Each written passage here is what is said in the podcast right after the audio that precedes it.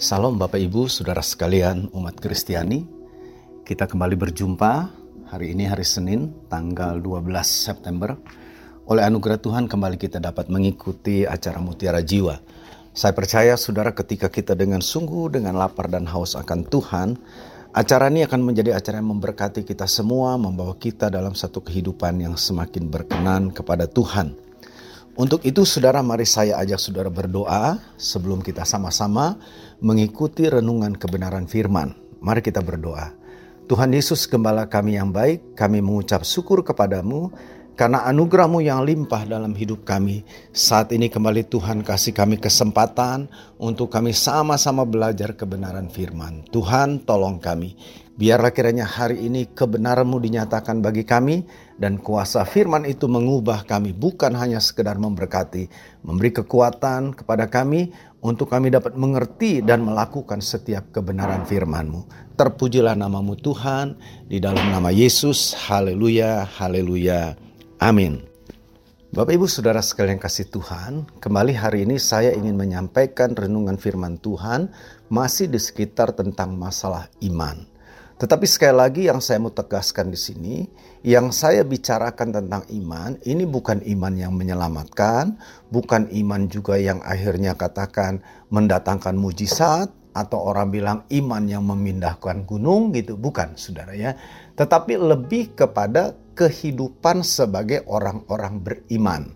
Nah saudara-saudara, saya kira ini kadangkala kurang mendapat perhatian kita lebih sering mendengar ada iman yang menyelamatkan, iman yang bisa memindahkan gunung-gunung masalah, iman yang membawa kemenangan. Tidak salah itu semua benar saudara ya. Tetapi yang saya katakan yang kita ingin sama-sama pelajari hari ini kita tidak bicara tentang iman yang menyelamatkan, kita tidak bicara iman yang memindahkan gunung, tapi fokus saya pada saat ini mau mengajak saudara untuk kita belajar dari firman tentang bagaimana harusnya saya sebagai orang beriman itu hidup. Nah, saudara-saudara, minggu lalu kita belajar dari seorang yang bernama Habel. Tapi kali ini kita akan belajar dari seorang yang bernama Henok. Saudara, dalam Alkitab, ketika kita bicara tentang nama Henok, kita dapati ada dua orang saudara yang memiliki nama Henok. Dalam kejadian pasal 4, kita dapatkan di sana ada Kain yang punya anak juga Henok. Diberi nama Henok. Tapi saudara dalam kejadian pasal 5, kita lihat ada seorang yang bernama Yaret. Dia juga punya anak dan anaknya diberi nama Henok. Nah, saudara-saudara, yang akan kita pelajari hari ini adalah anak dari Yaret, Henok, anak dari Yaret itu. Nah, Bapak Ibu Saudara sekalian, apa yang bisa kita lihat dan kita pelajari kalau kita membaca dari kitab Ibrani pasal yang ke-11. Ibrani pasal 11 ayat yang kelima dan ayat yang keenam, di sana kita dapatkan catatan tentang Henok ini. Saya akan coba bacakan buat saudara. Dibilang begini, karena iman Henok terangkat supaya ia tidak mengalami kematian dan ia tidak ditemukan karena Allah telah mengangkatnya. Sebab sebelum ia terangkat, ia memperoleh kesaksian bahwa ia berkenan kepada Allah. Tanpa iman tidak mungkin orang berkenan kepada Allah. Sebab barang siapa berpaling kepada Allah, ia harus percaya bahwa Allah ada dan bahwa Allah memberi upah kepada orang yang sungguh-sungguh mencari dia. Nah, Bapak Ibu Saudara sekalian, dari ayat ini kita mendapatkan sedikit saudara keterangan tentang orang yang bernama Henok. Keterangan seperti apa yang kita dapatkan?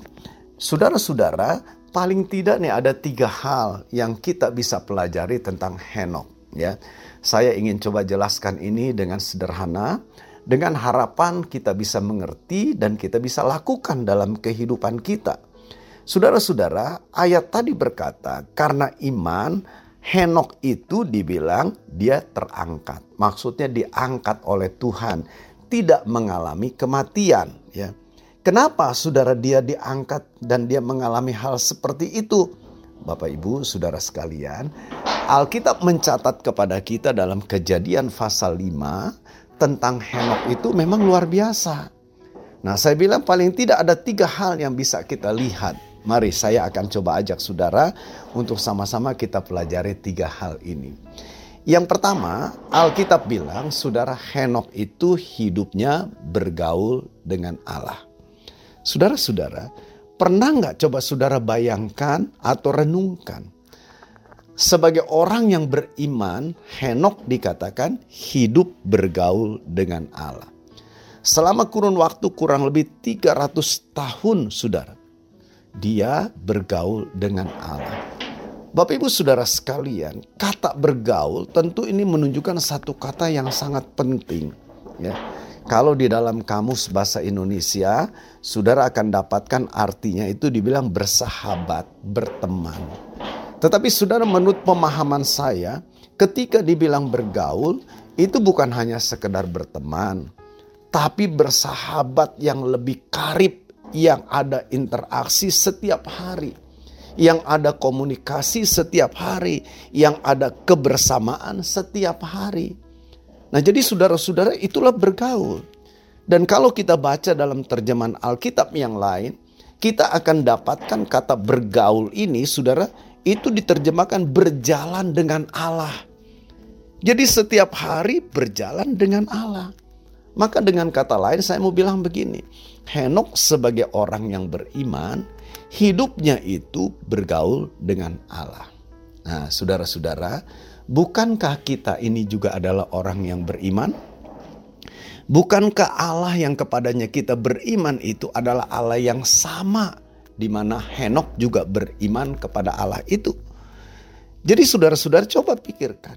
Kadang-kadang kita lupa nih memikirkan ini. Kita merasa yang penting saya sudah percaya, yang penting saya ke gereja gitu saudara. Kadang-kadang pemikiran kita hanya sebatas itu. Tapi sesungguhnya Alkitab memberitahu kepada kita sebagai orang-orang yang beriman kepada Kristus, harusnya kita ini bergaul dengan Allah. Nah, saudara-saudara, ini sesuatu yang serius. Kita nggak bisa main-main. Jadi saudara kalau andai kata kita mengaku diri kita sebagai orang yang beriman kepada Tuhan. Tapi tidak bergaul dengan Allah. Saya kadang-kala pikir apa benar ya iman yang seperti itu gitu. Saudara-saudara jujur saja saya ngerti saudara kadangkala memprihatinkan sekali kita ini lebih banyak bergaul dengan dunia ini daripada dengan Allah. Ada banyak orang-orang Kristen, saudara, waktunya habis hanya untuk bergaul dengan dunia, bergaul dengan perkara-perkara dunia yang ada ini. Tidak heran kalau orang-orang Kristen yang seperti ini akhirnya hidupnya hidupnya penuh dengan hal keduniawian. Sebab bukankah Alkitab ingatkan, kalau kita salah dalam pergaulan, maka hal-hal yang baik dalam hidup kita bisa berubah menjadi hal-hal yang jahat. Saudara-saudara itu Alkitab jelas ingatkan itu. Dikatakan supaya kita hati-hati. Sebab pergaulan yang buruk itu akan merusak kebiasaan yang baik. Jadi dengan kata lain saudara, bergaul itu adalah sesuatu yang pasti akan punya pengaruh besar di dalam hidup kita. Coba saudara bayangkan kalau katakan kita bergaul dengan orang-orang yang biasa bicara kotor, setiap hari kita bergaul dengan orang-orang itu, menurut saya pasti bicara kita akan jadi kotor. Saudara, dua minggu lalu ada seorang ibu yang masih cukup muda sebetulnya. Dulu dia bergereja di tempat saya, saudara, berjemaat, bahkan dia terlibat melayani. Karena pernikahannya, saudara akhirnya dia harus pindah dari gereja ini ikut sama suaminya. Bagi saya no problem tentunya saudara, yang penting kan dia tetap beribadah. Tapi rupanya saudara, sejak dia tidak lagi beribadah, jadi sejak menikah itu boleh dibilang hampir-hampir jarang bahkan mungkin tidak pernah ke gereja. Itu pengakuan dari dia. Dia datang kemarin kepada saya karena ada sesuatu yang dia mau bicara dengan saya, sudah. Nah, dalam obrolan-obrolan itu, saudara dia mengaku. Dia bilang, saya sudah tidak ke gereja om. Saya bilang kamu kenapa tidak ke gereja? Nggak tahu lah om males gitu ya. Saya tanya suami kamu nggak ajak kamu ke gereja? Bukankah kamu keluar dari pindah dari gereja ini karena menikah dengan dia dan kamu akan ikut beribadah di gereja di tempat suamimu? Ya awalnya sih begitu om dia bilang. Tapi kenyataannya tidak. Jadi selama ini kamu ke mana? Ya tidak ke mana-mana. Saudara, singkat cerita dalam obrolan itu, dia bilang begini. Saya mengakui om, dia bilang. Hidup saya sekarang jadi berubah. Saya bilang berubah bagaimana? Kalau om tahu saya ini benar-benar jadi kasar. Ngomongnya kasar, ngomongnya kotor gitu. Wah pokoknya hidup saya ya nggak seperti dulu lah om gitu dia bilang. Nah Bapak Ibu Saudara sekalian, ini kan contoh yang sederhana. Saya ngerti kenapa berubah seperti itu. Karena dia sudah menjauhkan diri dari pergaulan dengan Allah. Dia bergaul dengan dunia ini, dia berteman dengan orang-orang sudah yang kasar, yang kata-kata penuh dengan kata-kata kotor begitu sudah. Jadi tidak heran. Nah kalau begitu saudara, betapa pentingnya kita memperhatikan pergaulan kita. Nah sebagai orang yang beriman kepada Tuhan, saudara-saudara, Henok memberikan contoh kepada kita supaya kita ini bergaul dengan Allah. Coba saudara tanya kepada diri saudara. Sebagai orang beriman, apakah selama ini saudara bergaul dengan Allah?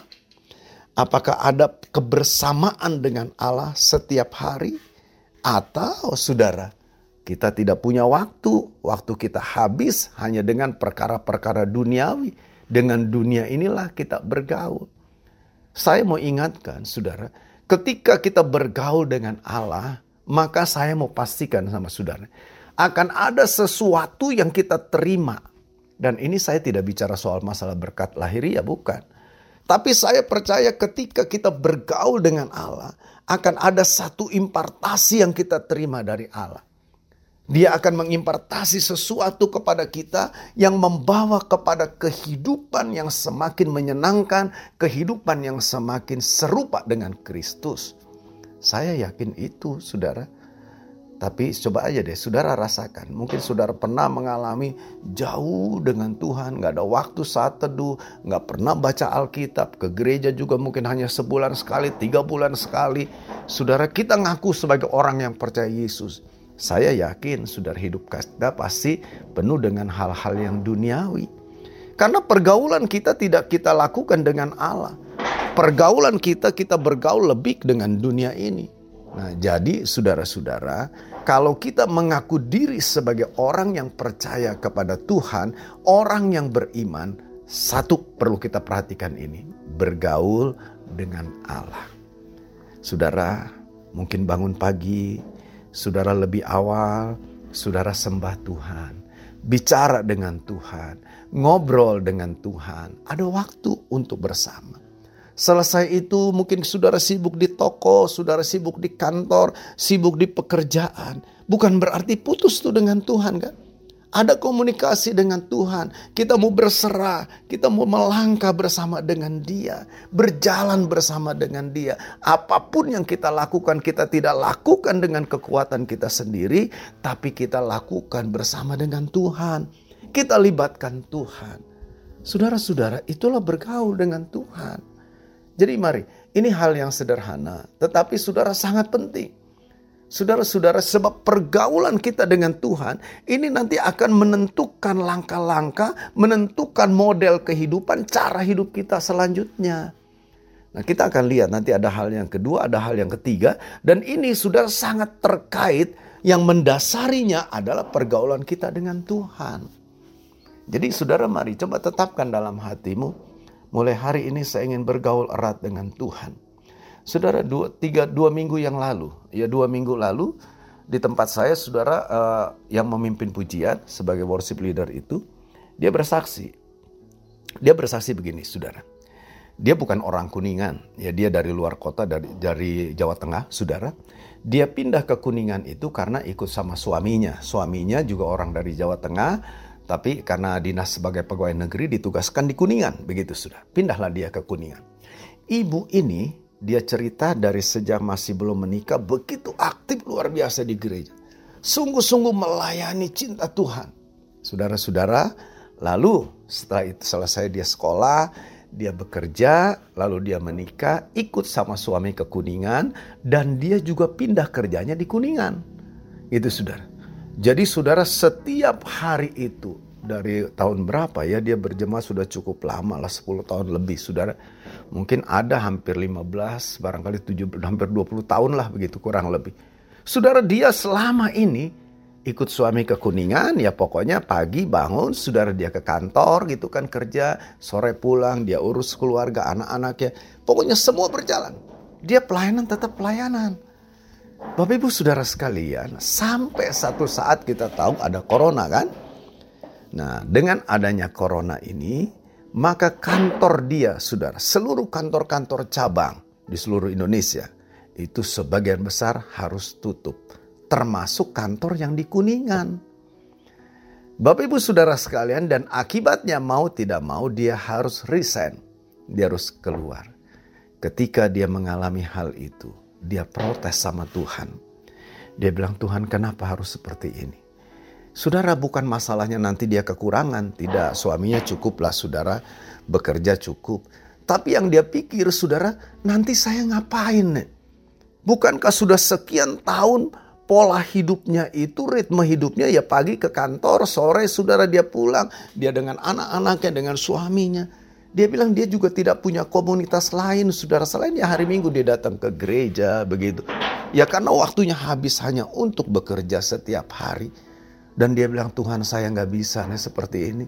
Nanti bagaimana saya, bagaimana, kenapa harus seperti ini? Saudara-saudara beberapa hari terus dia berdoa, dia bertanya dan dia bertanya. Lalu dia bilang begini, satu hari Tuhan jawab dia. Saudara, apa yang Tuhan jawab? Tuhan bicara sama dia.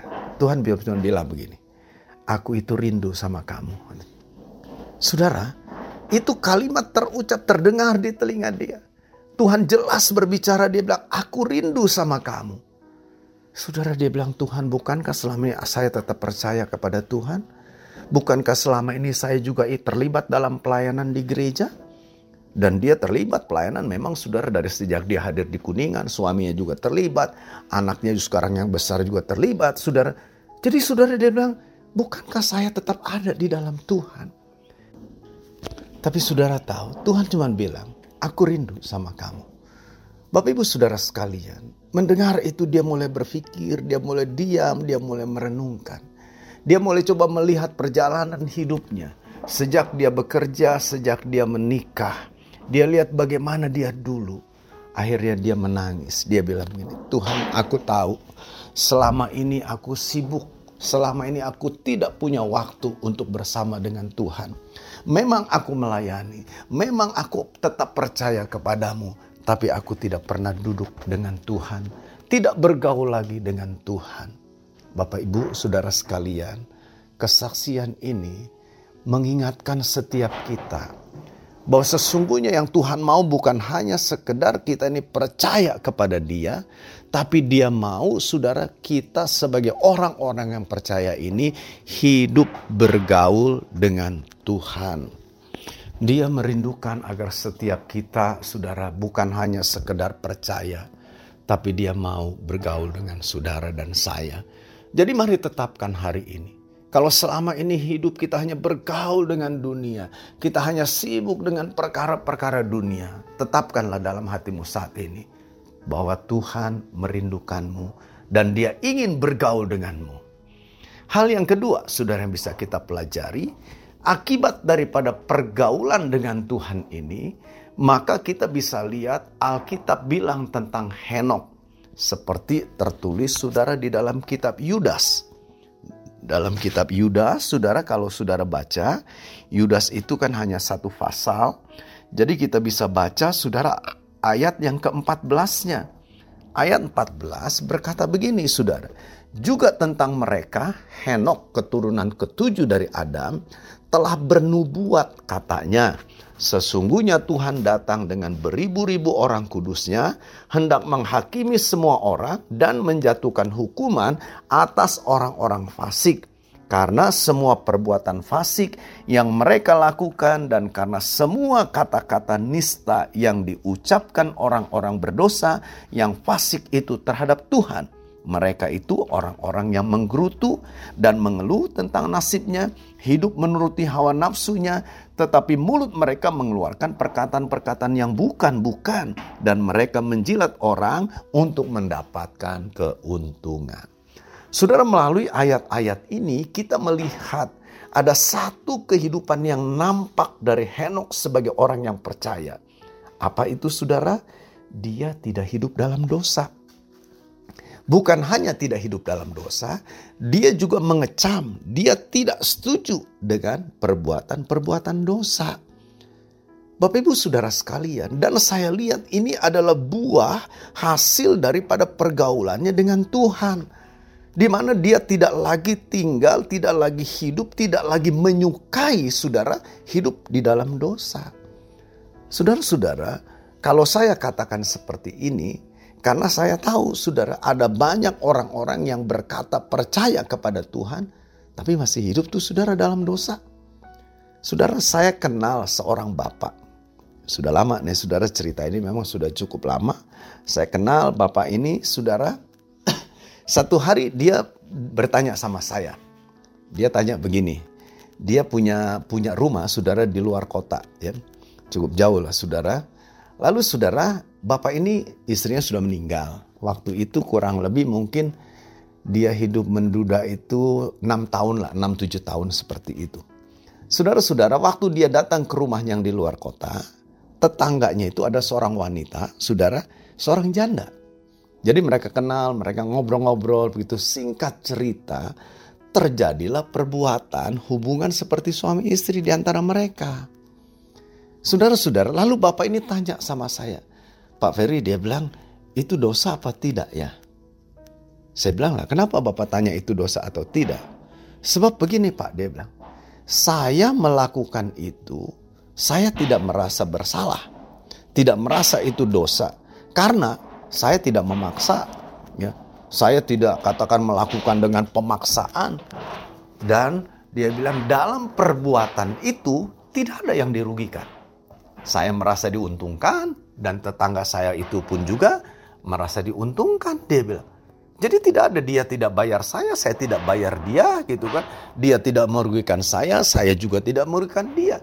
Jadi menurut dia apa yang dia lakukan itu tidak berdosa.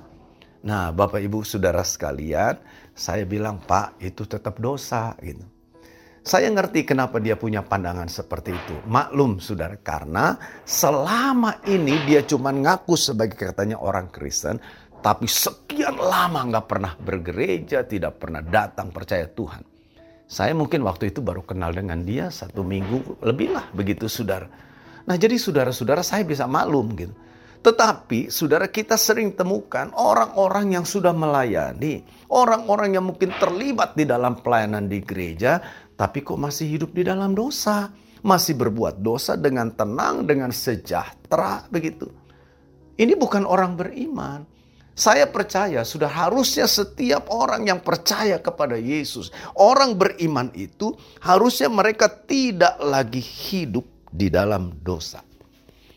Tidak seperti itu, sudah. Jadi dosa merupakan sesuatu yang serius yang dia tidak akan pernah sentuh. Bukan berarti nggak bisa jatuh, bisa saja, sudah. Tapi persoalannya itu dia tidak akan menikmatinya. Dia tidak akan terus tinggal di dalam dosa itu. Bapak ibu saudara sekalian, saya mau katakan ini sesuatu yang serius nih. Nggak boleh kita main-main di sini. Dosa adalah sesuatu yang serius dan Allah tidak pernah setuju. Nah Alkitab berkata, saudara, Henok sebagai orang beriman, dia tidak tinggal, tidak hidup di dalam dosa. Saudara tahu bagaimana dia bisa menjalani kehidupan seperti itu? Rupanya pergaulannya dengan Allah itu memunculkan satu pemahaman yang melekat di dalam hatinya. Pemahamannya apa? Kalau kita kembali saudara ke Ibrani pasal yang ke-11, di dalam ayat yang ke-6-nya, kalau saudara perhatikan dan saudara baca baik-baik, dibilang begini. Karena iman, tetapi dia bilang tanpa iman, tidak mungkin orang berkenan kepada Allah. Jadi pergaulan yang membawa dia semakin beriman kepada Allah. Lalu dia bilang begini, sebab barang siapa berpaling kepada Allah, dia harus percaya bahwa Allah ada. Coba saudara perhatikan dulu kalimat ini. Jadi dibilang gini, kita yang beriman kepada Allah, kita harus percaya Allah itu ada. Nah tentu ini percaya kita tentang keberadaan Allah, Allah yang maha kuasa, Allah yang maha tahu, Allah yang maha hadir, Allah yang maha segala-galanya. Saudara-saudara, pemahaman inilah yang ada pada Henok. Jadi saudara, dia benar-benar sadar di mana pun dia berada, dia tahu ada Allah di sana. Di mana pun saudara dia ada, dia mengerti dia tidak bisa sembunyi dari Allah. Ada banyak orang Kristen merasa aman, merasa tenang, enjoy-enjoy saja hidup di dalam dosa. Saudara kadang-kala mereka nggak pikir bahwa Allah itu tahu. Mereka cuma pikir, oh nggak ada yang tahu kok Istri saya nggak tahu, suami saya nggak tahu, anak saya tidak tahu, pendeta saya tidak tahu, teman saya tidak tahu. Bebas saya, tenang-tenang saja. Saudara hati-hati dengan hal seperti ini. Saya mau katakan dengan sungguh-sungguh, banyak orang saudara mereka seperti beranggapan Allah itu tidak tahu apa yang diperbuat. Mereka beranggapan Allah itu tidak melihat apa yang dilakukan. Saudara-saudara, Allah ada. Saudara perlu tahu, Tuhan ada, Tuhan melihat. Kita ini tidak dapat sembunyi dari Tuhan. Di mana kita bisa sembunyi dari Tuhan? Dari keluarga kita kita bisa sembunyi. Dari teman-teman kita kita bisa sembunyi. Tapi dari Tuhan kita tidak bisa sembunyi. Tidak ada sesuatu pun yang dapat menutupi mata Tuhan untuk tidak dapat melihat kita. Nggak ada, saudara. Jadi Bapak Ibu Saudara sekalian, pergaulan kita dengan Tuhan akan memunculkan satu kesadaran yang mendalam bahwa Allah ada, Allah melihat, Allah tahu apa yang kita buat. Nah, kalau kesadaran seperti ini ada, ini kan akan sangat menjaga langkah kita. Nggak sembarangan, saudara. Sebab umumnya orang melakukan hidup dalam dosa merasa aman dalam arti tidak ada yang tahu. Padahal Tuhan tahu, ya. Lalu hal yang kedua yang saya lihat, saudara, ada Henok ini bukan hanya dia sadar Allah itu ada dan Allah itu tahu, tapi tadi dikatakan bahwa Allah memberi upah. Saudara tahu upah ya? Upah adalah sesuatu yang kita terima karena kita melakukan sesuatu. Pekerjaan gitu saudara ya, saya bekerja lalu saya dapat upah. Kenapa saya dapat upah? Karena saya melakukan pekerjaan saya. Nah jadi Bapak Ibu Saudara sekalian, upah adalah sesuatu yang memang kita terima menjadi kewajiban haknya kita karena kita melakukan sesuatu. Henok sadar loh saudara. Dia sadar bahwa apa yang saya lakukan itu akan saya dapatkan upah dari Tuhan. Dalam ayat ini dibilang Allah memberi upah kepada mereka, kepada orang yang sungguh-sungguh mencari dia. Tapi pernahkah saudara berpikir bahwa upah yang sama juga akan kita terima akan apa yang kita lakukan. Artinya, saudara, setiap apa yang kita lakukan, yang kita kerjakan, yang kita buat ini, itu akan mendatangkan sesuatu yang kita terima. Kan Paulus bilang dalam kitab Galatia pasal 6 ayat 7, jangan kamu sesat, dia bilang. Apa yang ditabur orang, itu juga yang akan dituainya. Saudara-saudara, apa yang kita lakukan, apa yang kita kerjakan, kita akan dapat balasannya. Kita akan mendapat upahnya dari apa yang kita kerjakan itu. Saudara, saya yakin ketika kita benar-benar memiliki kesadaran yang seperti ini, kita akan hati-hati, saudara. Kita tidak akan mudah untuk kita hidup melakukan dosa Sebab kita tahu hari ini kita berbuat dosa. Memang mungkin tidak ada yang tahu seorang pun juga. Tapi Tuhan tahu. Dan apa yang saya lakukan di tempat tersembunyi dari mata manusia. Itu akan saya tuai, akan saya terima akibatnya. Saudara-saudara, kalau kita sadar akan hal itu, maka saudara akan membuat kita benar-benar hati-hati. Tidak lagi bermain-main dengan dosa. Jadi ingat saudara ya, orang yang beriman hidupnya itu bergaul dengan Allah. Orang yang beriman hidupnya tidak hidup di dalam dosa. Karena dia tahu saudara Allah melihat, Allah ada, Allah akan memberi upah akan apa yang kita lakukan itu. Nah kesadaran ini yang akan membawa kita hidup berjalan di dalam kekudusan.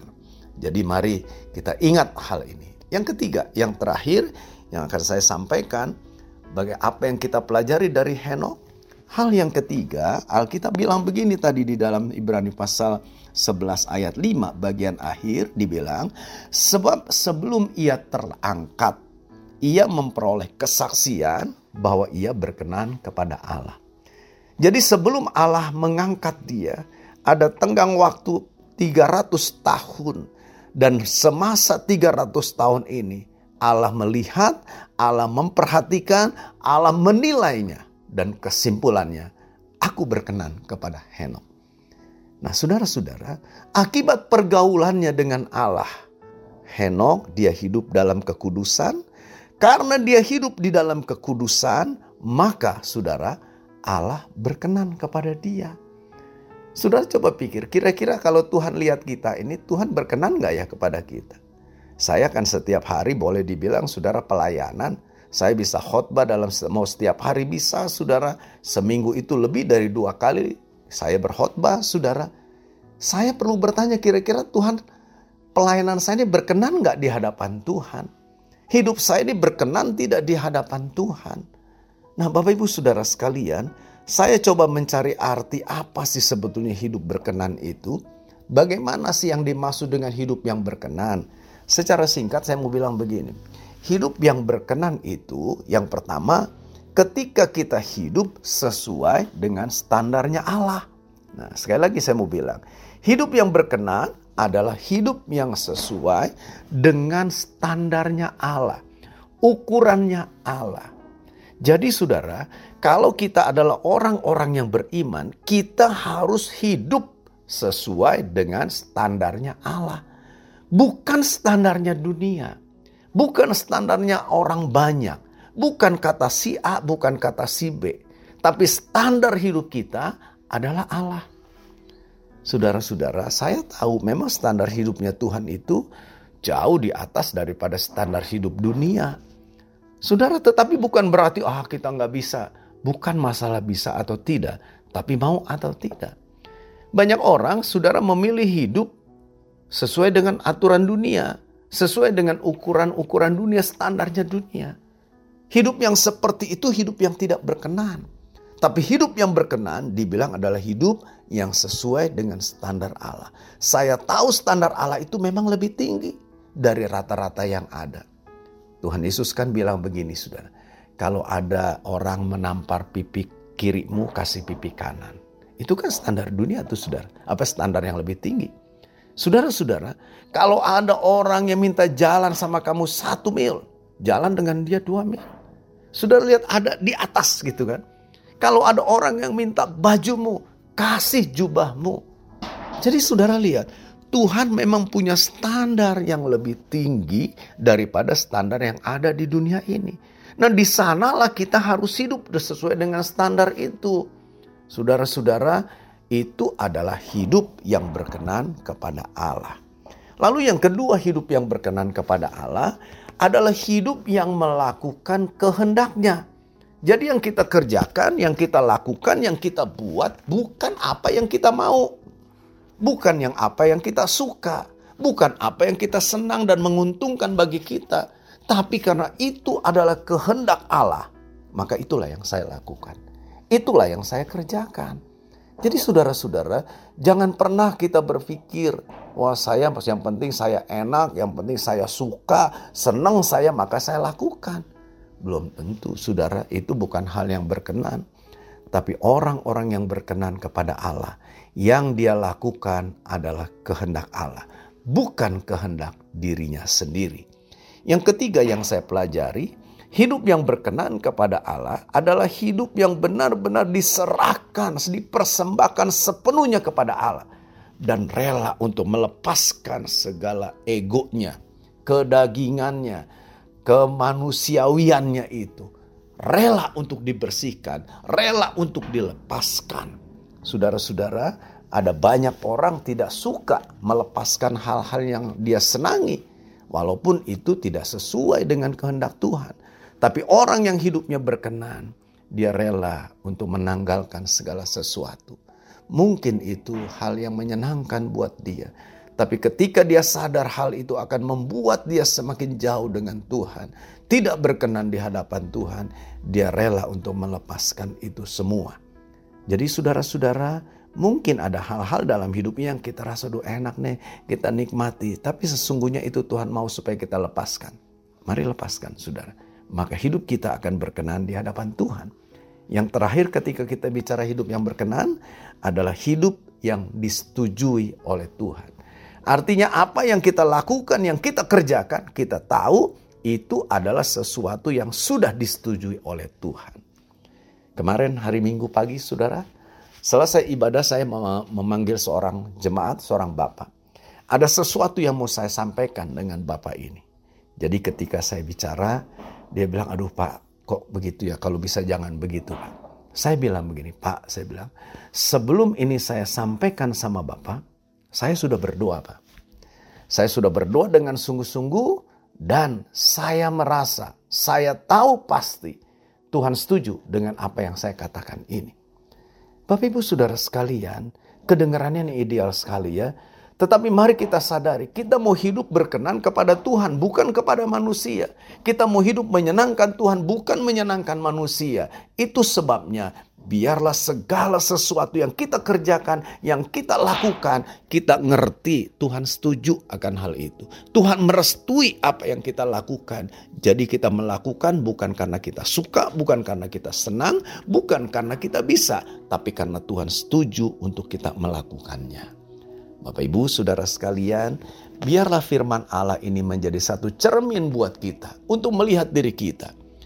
Apakah selama ini kita sebagai orang-orang yang beriman kepada Tuhan, kita bergaul dengan Tuhan, atau kita lebih banyak bergaul dengan dunia. Apakah selama ini kita sebagai orang yang beriman, kita hidup di dalam kekudusan, atau kita masih tinggal di dalam dosa? Kalau masih tinggal dalam dosa, mari putuskan siang ini untuk keluar dari dosa. Jangan lagi tinggal di dalam dosa. Itu bukan tempat kita, itu bukan tempat orang yang beriman kepada Tuhan. Tapi orang yang beriman kepada Yesus, mereka hidup di dalam kekudusan. Dan orang yang beriman kepada Tuhan, hidupnya itu berkenan kepada Tuhan. Kenapa? Karena dia hidup sesuai dengan standarnya Tuhan. Dia hidup melakukan kehendak Allah. Dia hidup menyerahkan sepenuhnya dalam tangan Tuhan.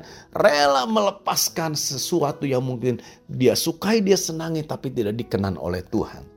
Dan orang yang berkenan kepada Tuhan, dia akan melakukan segala sesuatu yang Tuhan setujui. Saya berdoa, saya berharap ini menjadi berkat buat kita sekalian, mengubahkan kehidupan kita menjadi orang-orang beriman yang sungguh-sungguh berkenan di hadapan Tuhan. Tuhan Yesus berkati kita semua. Amin. Amin. Mari kita berdoa, saudara. Terima kasih Bapak buat kebenaran firman pada saat ini. Kami bersyukur dan biarlah firman itu tertanam di dalam setiap hati kami. Berkati setiap pribadi, pendengar yang sudah mengikuti kebenaran firman ini, biarlah berkat Tuhan limpah atas mereka. Kalau ada yang sakit Tuhan sembuhkan, yang lemah Tuhan beri kekuatan, yang berbeban berat Tuhan berikan kelegaan, kemampuan untuk keluar dari semua pergumulan-pergumulan hidup sebagai seorang pemenang. Terima kasih Bapak, biarlah anugerahmu, berkat-berkatmu dilimpahkan atas setiap pendengar. Kami juga berdoa untuk kota-kota di mana siaran ini diperdengarkan, biarlah mengalir kasihmu, mengalir berkat-berkatmu atas kota ini, menyelamatkan kota ini Tuhan. Kami berdoa juga untuk bangsa kami, untuk negara kami. Kami serahkan dalam tangan Tuhan, Engkau memberkati Indonesia, membawa Indonesia semakin maju, dan kasihmu dinyatakan atas Indonesia. Terima kasih Bapa, kami bersyukur karena berkat-berkat Tuhan yang limpah bagi kami hari ini. Biarlah Tuhan Engkau dipermuliakan. Di dalam nama Yesus. Haleluya, haleluya. Amin. Amin.